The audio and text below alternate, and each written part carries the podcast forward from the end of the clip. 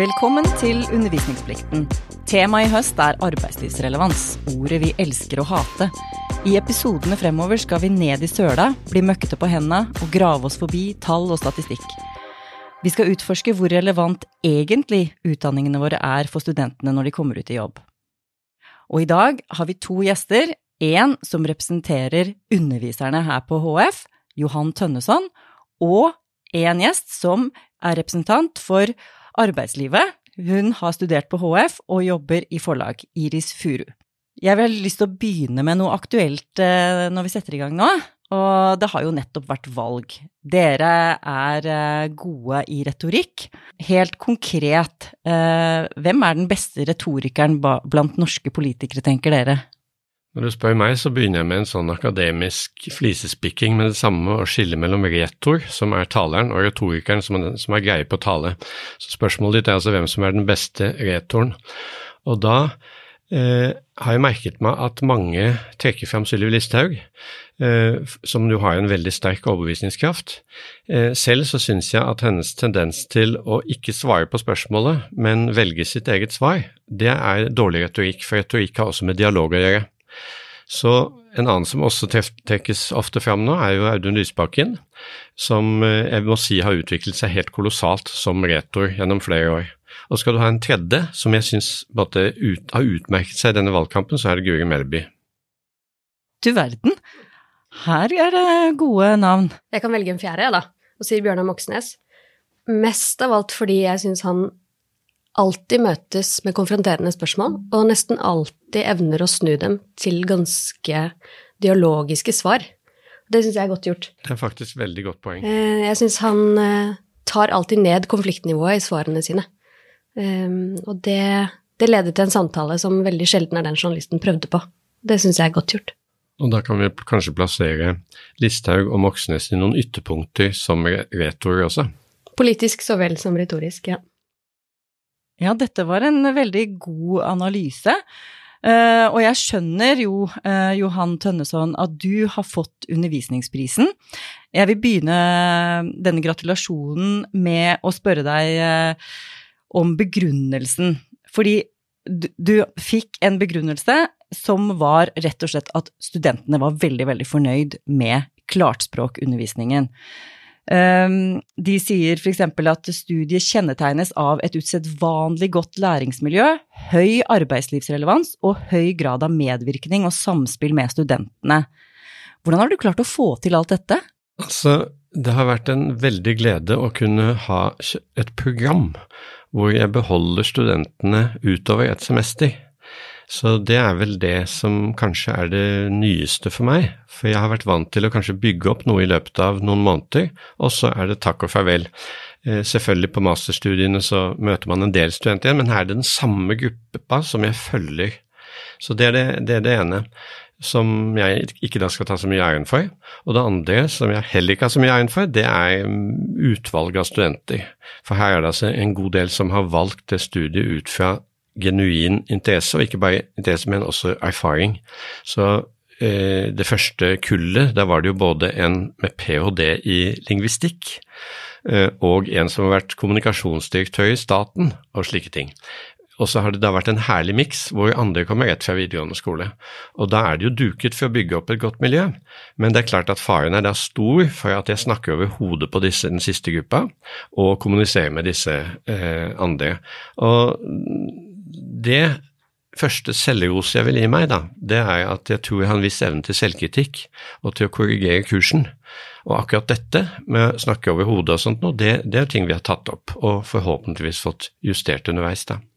Kjenner du deg igjen i dette, Iris? Jeg kan slutte meg veldig til juryens begrunnelse for den prisen. Eh, jeg kom litt sånn midt imellom. Inn, jeg begynte rett på masterstudiet. Og da kom jeg fra bachelorstudiet i retorikk i Bergen. Fra Jens Kjeldsen og Anders Johansen og Mathilde Skoie, som underviste i latin og antikk resepsjon. Eh, et, sånn ekte barn av kvalitetsreformen, den eh, bachelorgraden der. Og eh, de aller fleste andre flyttet til København og fortsatte der, og jeg begynte i Oslo i stedet. Og grunnen til at jeg valgte Oslo, var at jeg hadde hørt at de drev med liksom faglig nybrottsarbeid. hadde en sånn intuitiv fornemmelse av at den typen tekster som Johan og Kjellars og Jan Svennevig, men også nevnes her, holdt på med, eh, appellerte veldig til meg. Og så var det det med at de var så veldig i øyehøyde med sine egne studenter. Um, og de underviste, sånn jeg husker det, med en iver, en sånn oppriktig iver, uh, over det de selv fant. Og ikke minst det vi fant. Uh, våre analyser ble lyttet til, tatt på alvor. Uh, og veldig sjelden ukritisk godtatt. Men det var ikke det vi ville heller. Så det skapte et miljø hvor vi følte at vi ville strekke oss veldig. Um, og vi ble på en måte kjent med, og de ble kjent med oss, og, og hvordan vi utviklet oss faglig, da. Og det, det tror jeg var veldig sjelden. Det føltes veldig unikt da. Dette er selvfølgelig veldig hyggelig å høre, men det er også fint at du trekker frem at dette er et fagmiljø.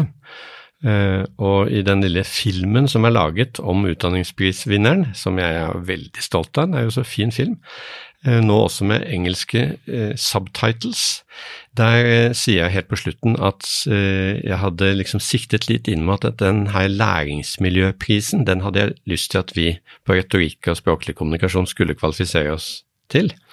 Eh, og så ble det jo da en utdanningspris isteden. Så jeg deler gjerne eh, atskillig eh, ære med mine kolleger, sånn som du også nå har lagt opp til, Iris. Ja, og så viser jo dette at priser har en funksjon, da. Hvis du bevisst jobbet mot å få en pris, og så fikk du en annen pris. Altså, det var i hvert fall en motiverende faktor. Og vi er jo på temaet arbeidslivsrelevans i, i denne sesongen, så jeg tenkte Iris, nå er du forlagsredaktør i Aschehoug, og, og, med den masteren du har i retorikk og språklig kommunikasjon, um, hva har du hatt mest nytte av fra, fra, studiene? Vi brukte jo mye tid på å gå grundig ned i tekst. Vi jobbet med mange forskjellige typer tekster. Mm, vi ble også disiplinert i å se på én tekst fra alle mulige vinkler og kanter. Og jeg skrev jo masteroppgave om Nav-skjemaer.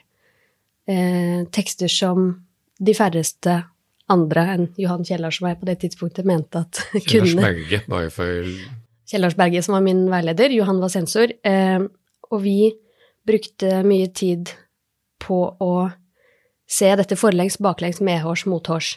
Eh, finne ut hvem leserne av disse tekstene var, hva de trengte å vite, osv. Eh, og veldig mye av det kan man også få daglig bruk for når man jobber som forlagsredaktør. Selv om jeg jo nå jobber med helt andre typer tekster, og ikke minst helt andre typer forfattere enn eh, seniorrådgiveren i Nav, eh, så er problemstillingene, særlig knyttet til leseren, veldig mye av det samme som vi jobbet mye med her på Blindern. Ja, og da må jeg få spørre deg, Iris, dette yndlingsbegrepet mitt som eko diktet opp i 1979, Modelleseren, The Model Reader. Er det noe som du har hatt med deg videre i yrkeslivet? Det er lov å si nei, at det er ikke det som liksom ble viktig for deg? Modelleseren er med. Og så er det ikke et ord folk, folk vet hvem er, men når jeg spør forfatterne mine, eller vi snakker i et redaksjonsmøte om bøker vi har lyst til å utvikle, hvem skal lese den, og hva kan leseren? Hva trenger leseren å kunne, og hvordan skal vi komme oss fra A til B? Eh, det starter noen refleksjoner som, eh, som Eko begynte. Mm. For det handler jo om å se for seg hvem det er som er mottaker. Er det det samme som å se for seg en konkret person? Kanskje ikke helt. Eh, Ekko var veldig nøye med å skille mellom målgruppe, som var et begrep som han ikke hadde noe sans for, han latterliggjorde det og sa det var et sånt reklamebegrep, og modelleseren. Uh, nemlig en leser som skapes i teksten, en slags leseforbilde som vi andre skal strekke oss mot for å lese teksten på en adekvat måte. Og i min doktoravhandling så går jeg litt i rette med ekko og hevder at det er ikke bare én modelleser uh, av en tekst, f.eks. et Nav-skjema, uh, det er flere, men det er ikke ubegrenset mange. Så det får bli dagens lille ekko-diskusjon. Mm. Altså hva, eh, hva er det teksten forutsetter at leseren vet? Og i hvilken grad? Da blir neste vurdering for meg som redaktør nå, hvordan stemmer det overens med dette? Jeg er jo, siden jeg jobber i et kommersielt allmennbokforlag, ikke så motstander av målgrupper som EK var. Eh, men liksom, hvordan, eh, i hvilken grad overlapper det, og hvordan skal vi få teksten til å Ja, for du er avhengig av at noen kjøper bøkene og leser de, og finner mening i teksten, og da er det vel å treffe leseren på det nivået av forkunnskaper og, og forventninger kanskje som, mm. som, leseren har, da. Og jeg jobber jo som sakprosaredaktør og gir jo ut alt fra kokebøker til um, dokumentarbøker om holocaust, f.eks. Uh, og uansett hva boken handler om, så forutsetter det forkunnskaper og en eller annen forståelse av hvordan verden henger sammen, som gjør at uh, man som forfatter og leser må møtes i teksten. Mm.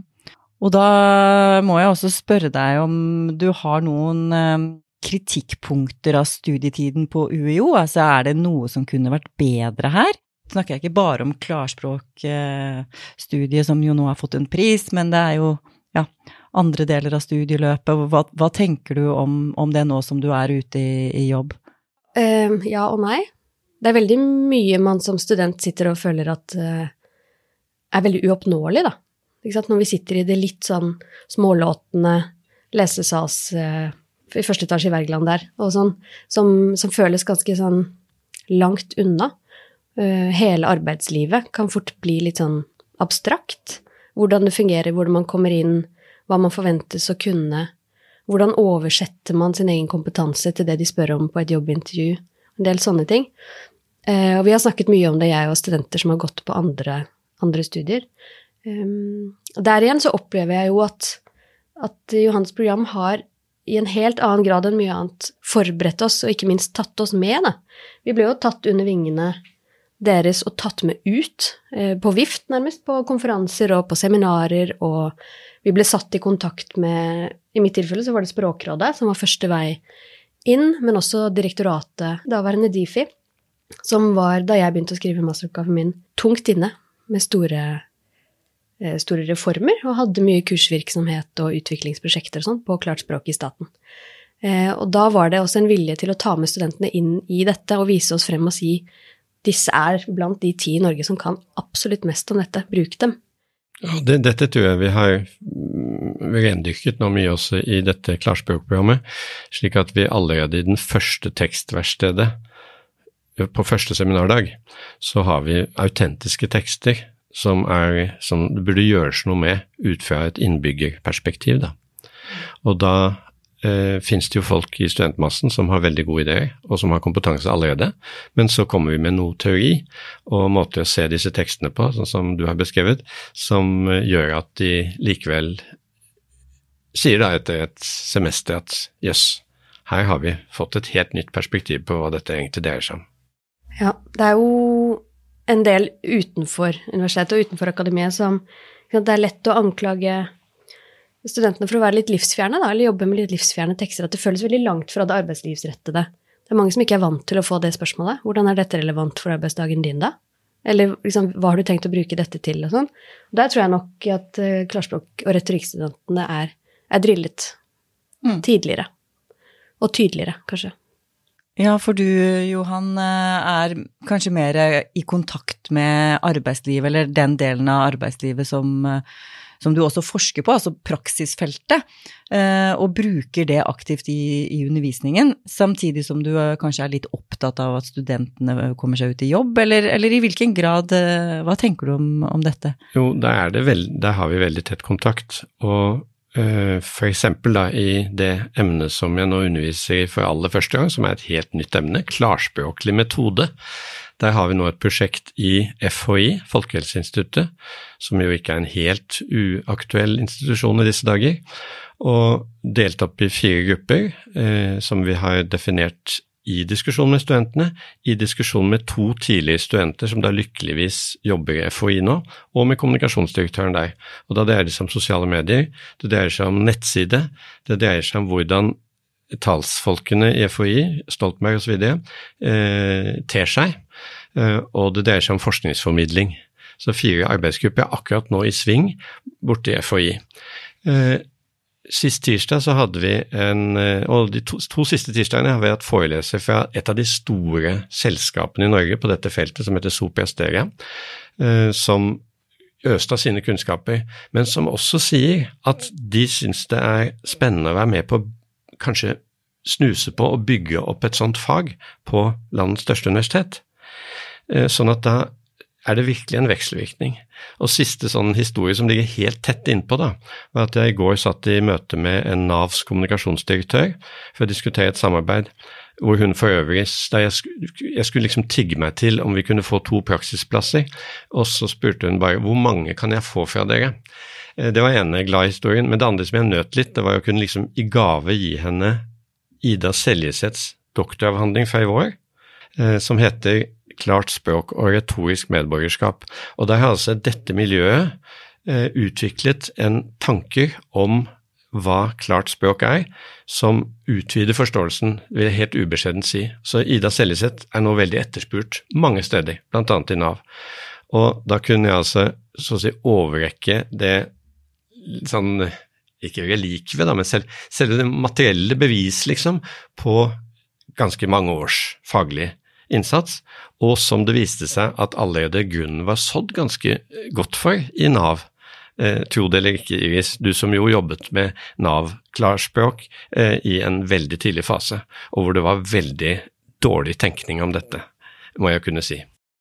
Ja, vi har vel erfart nå at eh, klartspråk kan eh, både redde liv og redde offentlige etater fra store søksmål og utgifter, så det er, det er jo store ting på spill her. Det er det absolutt, eh, og det gamle hovedargumentet for klart språk, det er jo effektivisering. Altså Statens pensjonskasse ble veldig lykkelig når de gjorde en del tiltak som gjorde at de fikk eh, halvert, eller hvor mye det var, iallfall redusert sterkt antall telefoner, for telefoner er dyrt. Eh, så det er det økonomiske argumentet. Men nå nevner du nettopp et sånt at det går på livet løs. Og hvis vi tenker på hele Nav-skandalen, så er den trygdeskandalen så er den også mye et kommunikasjonsproblem, et språkproblem på veldig mange nivåer og som jo er dypt alvorlig. Folk kommer i fengsel. Så det har med rettssikkerhet å gjøre. Men dette som Ida Seljeseth brakte inn med retorisk medborgerskap, det dreier seg altså om når du får et skjema du skal fylle ut fra skatteetaten, så er det ikke bare om å gjøre at du skal få det til, altså som det heter i klarspråkdefinisjonen, at leseren skal eh, finne det de leter etter, og forstå det de finner, og bruke det de finner til å gjøre det de skal. Det er greit, det er instrumentelt, og det er veldig viktig, og det er, det er veldig mye av hovedsaken. Men så sier hun at leseren er også en borger til et demokratisk samfunn, og i mange sammenhenger så skal man på en måte forstå, og man skal også til og med kunne innvende ting mot, mot teksten. Kanskje akkurat en selv, eh, det som før het selvangivelse, hva heter det nå, skattemelding? Eh, jo, til og med den.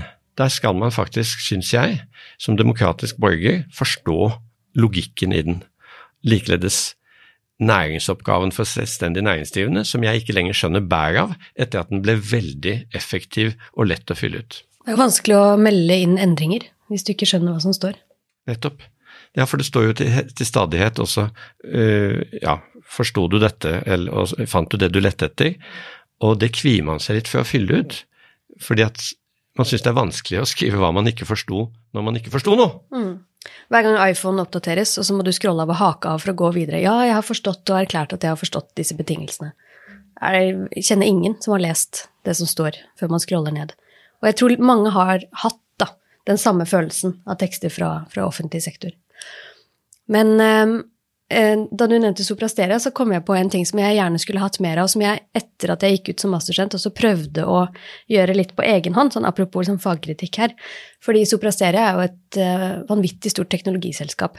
Og koblingen mellom språk i offentlig sektor og retorikk i, i det moderne samfunnet, og teknologi, der skulle jeg som student gjerne sett en mye, mye tettere lenke, et helt annet type samarbeid. Jeg prøvde å melde meg opp um, på en del emner som, på Matnat som enkeltemnestudent og sånn i ettertid. På For, informatikk? Ja, fordi jeg ville prøve å liksom se sånn, ok, men disse tekstene virker jo på internett. Uh, og vi sier jo til stadighet at vi kan ikke bare sette strøm på, på teksten, vi må lage den heldigital. Og så skal vi sitte som innholdsprodusenter og bli ansatt som UX-utviklere og sånn. UX, user experience. Ja, eh, men vi har ikke den riktige faglige ballasten til å Eller vi har ikke den hele faglige ballasten til å egentlig forstå hvilke betingelser utover de språklige som denne teksten da faktisk blir til og virker i, og hvordan den møtes, ikke minst. Eh, så hvis jeg skal ønske meg noe, da, for fremtidige studenter, på en måte, hvilke andre retninger er det mulig å ta denne fag utviklingen eller faglig samarbeid og sånn, de tekniske fagene. De, de dølle gørre, kanskje, for en del av våre studenter, jeg vet ikke. Um, men som har ganske mye å si for rammene teksten produseres innenfor. Ja, og der mangler det jo faktisk en god del kunnskap om koblingen klarspråk og eh, digitalisering. Jeg snakket akkurat med hun som har fått den jobben i Digitaliseringsdirektoratet i går, og som strevde da hun tok, skrev en master på NTNU nylig, fortalte hun. Eh, hun strevde der. Det jeg har gjort i høst, Iris, eh, på pensum på dette metodekurset, det er alt som gjelder dette som du snakket om, digitalisering. Der har jeg røsket inn en masse tekster fra skatteetaten som er ganske kloke og fulle av innsikt, og de medarbeiderne der har da lest mye internasjonal litteratur, og så jeg skummer på en måte fløten av deres arbeid. Så der er vi nå, da. Men det er klart, jeg er helt enig, en del vi burde hatt flere studenter som måtte var også informatikere. Mm. Og snakker, dere snakker jo rett inn i de strategiske utfordringene som UiO og HF står overfor, som er tverrfaglighet. For det vi ser arbeidslivet etterspør, er jo nettopp kobling mellom teknologi og tekstforståelse, humaniora og, og matnatt, da. Eh, så, så, her er det noen, kanskje noen strukturelle barrierer og noen, noen faglige koblinger som ikke er tatt ut ennå, men men takk for det gode rådet, Iris. Det skal vi ta med oss videre. Jeg syns det har vært veldig interessant å snakke med dere. Jeg merker at dere har en sånn tett relasjon, at dere tar ordet veldig Altså nærmest utfyller hverandre som Ole Dole Doffen, og at det er litt sånn um, fint å se at, eh, at, det er sånn um, lærer-student-forhold som holder seg inn i etter at studentene er uteksaminert og ute i arbeidslivet. Kan jeg si en ting om det? For jeg hadde nemlig også tenkt å finne et relikvie, men jeg har ryddet for mye hjemme, så jeg finner det ikke lenger. Johan Tønnessons eh, håndskrevne sensur av min masteroppgave, som jeg fikk tilbake, husker du det? Eh, over en kaffe i hagen her ja, utenfor PA Munch. Så satt vi en time, og så gikk vi gjennom side for side, blad for blad, med alle hans innvendinger da, mot, mot, det jeg hadde gjort. Eh, og det var en brutal øvelse. Men det er også noe av det aller nyttigste jeg har vært med på. Og snakk om å bli tatt på alvor som student. Og siden vi nå er inne på Altså, vi har jo ikke mye kontakt for tiden sånn eh, i antall sekunder i løpet av et år, Iris, men eh, det er tydelig at vi er liksom i hverandres bevissthet. Og da du dukket opp første gang som en ganske sånn ikke, ikke så veldig snakkesalig student fra Bergen, eh, så, så, så jeg liksom hvordan du bare liksom vokste fra, timen, nei, fra, fra uke til uke, som jo er enhver lærers mest vidunderlige opplevelse. ikke sant? Dette å liksom være med på at studentene vokser, det er jo vidunderlig før dette blir altfor uh, klissete og liksom rørende. Jeg tror uh, undervisningspliktens lyttere nå sitter og strever mot uh, tårene, fordi det er vanskelig å bli uberørt her. Jeg sitter og hører på, på hvor mye dere har betydd for hverandre. Så vil jeg si tusen takk for at dere kom til Undervisningsplikten, og lykke til videre, begge to. Fortsett det gode arbeidet for klartspråk i Norge. Og til lyttere, takk for nå.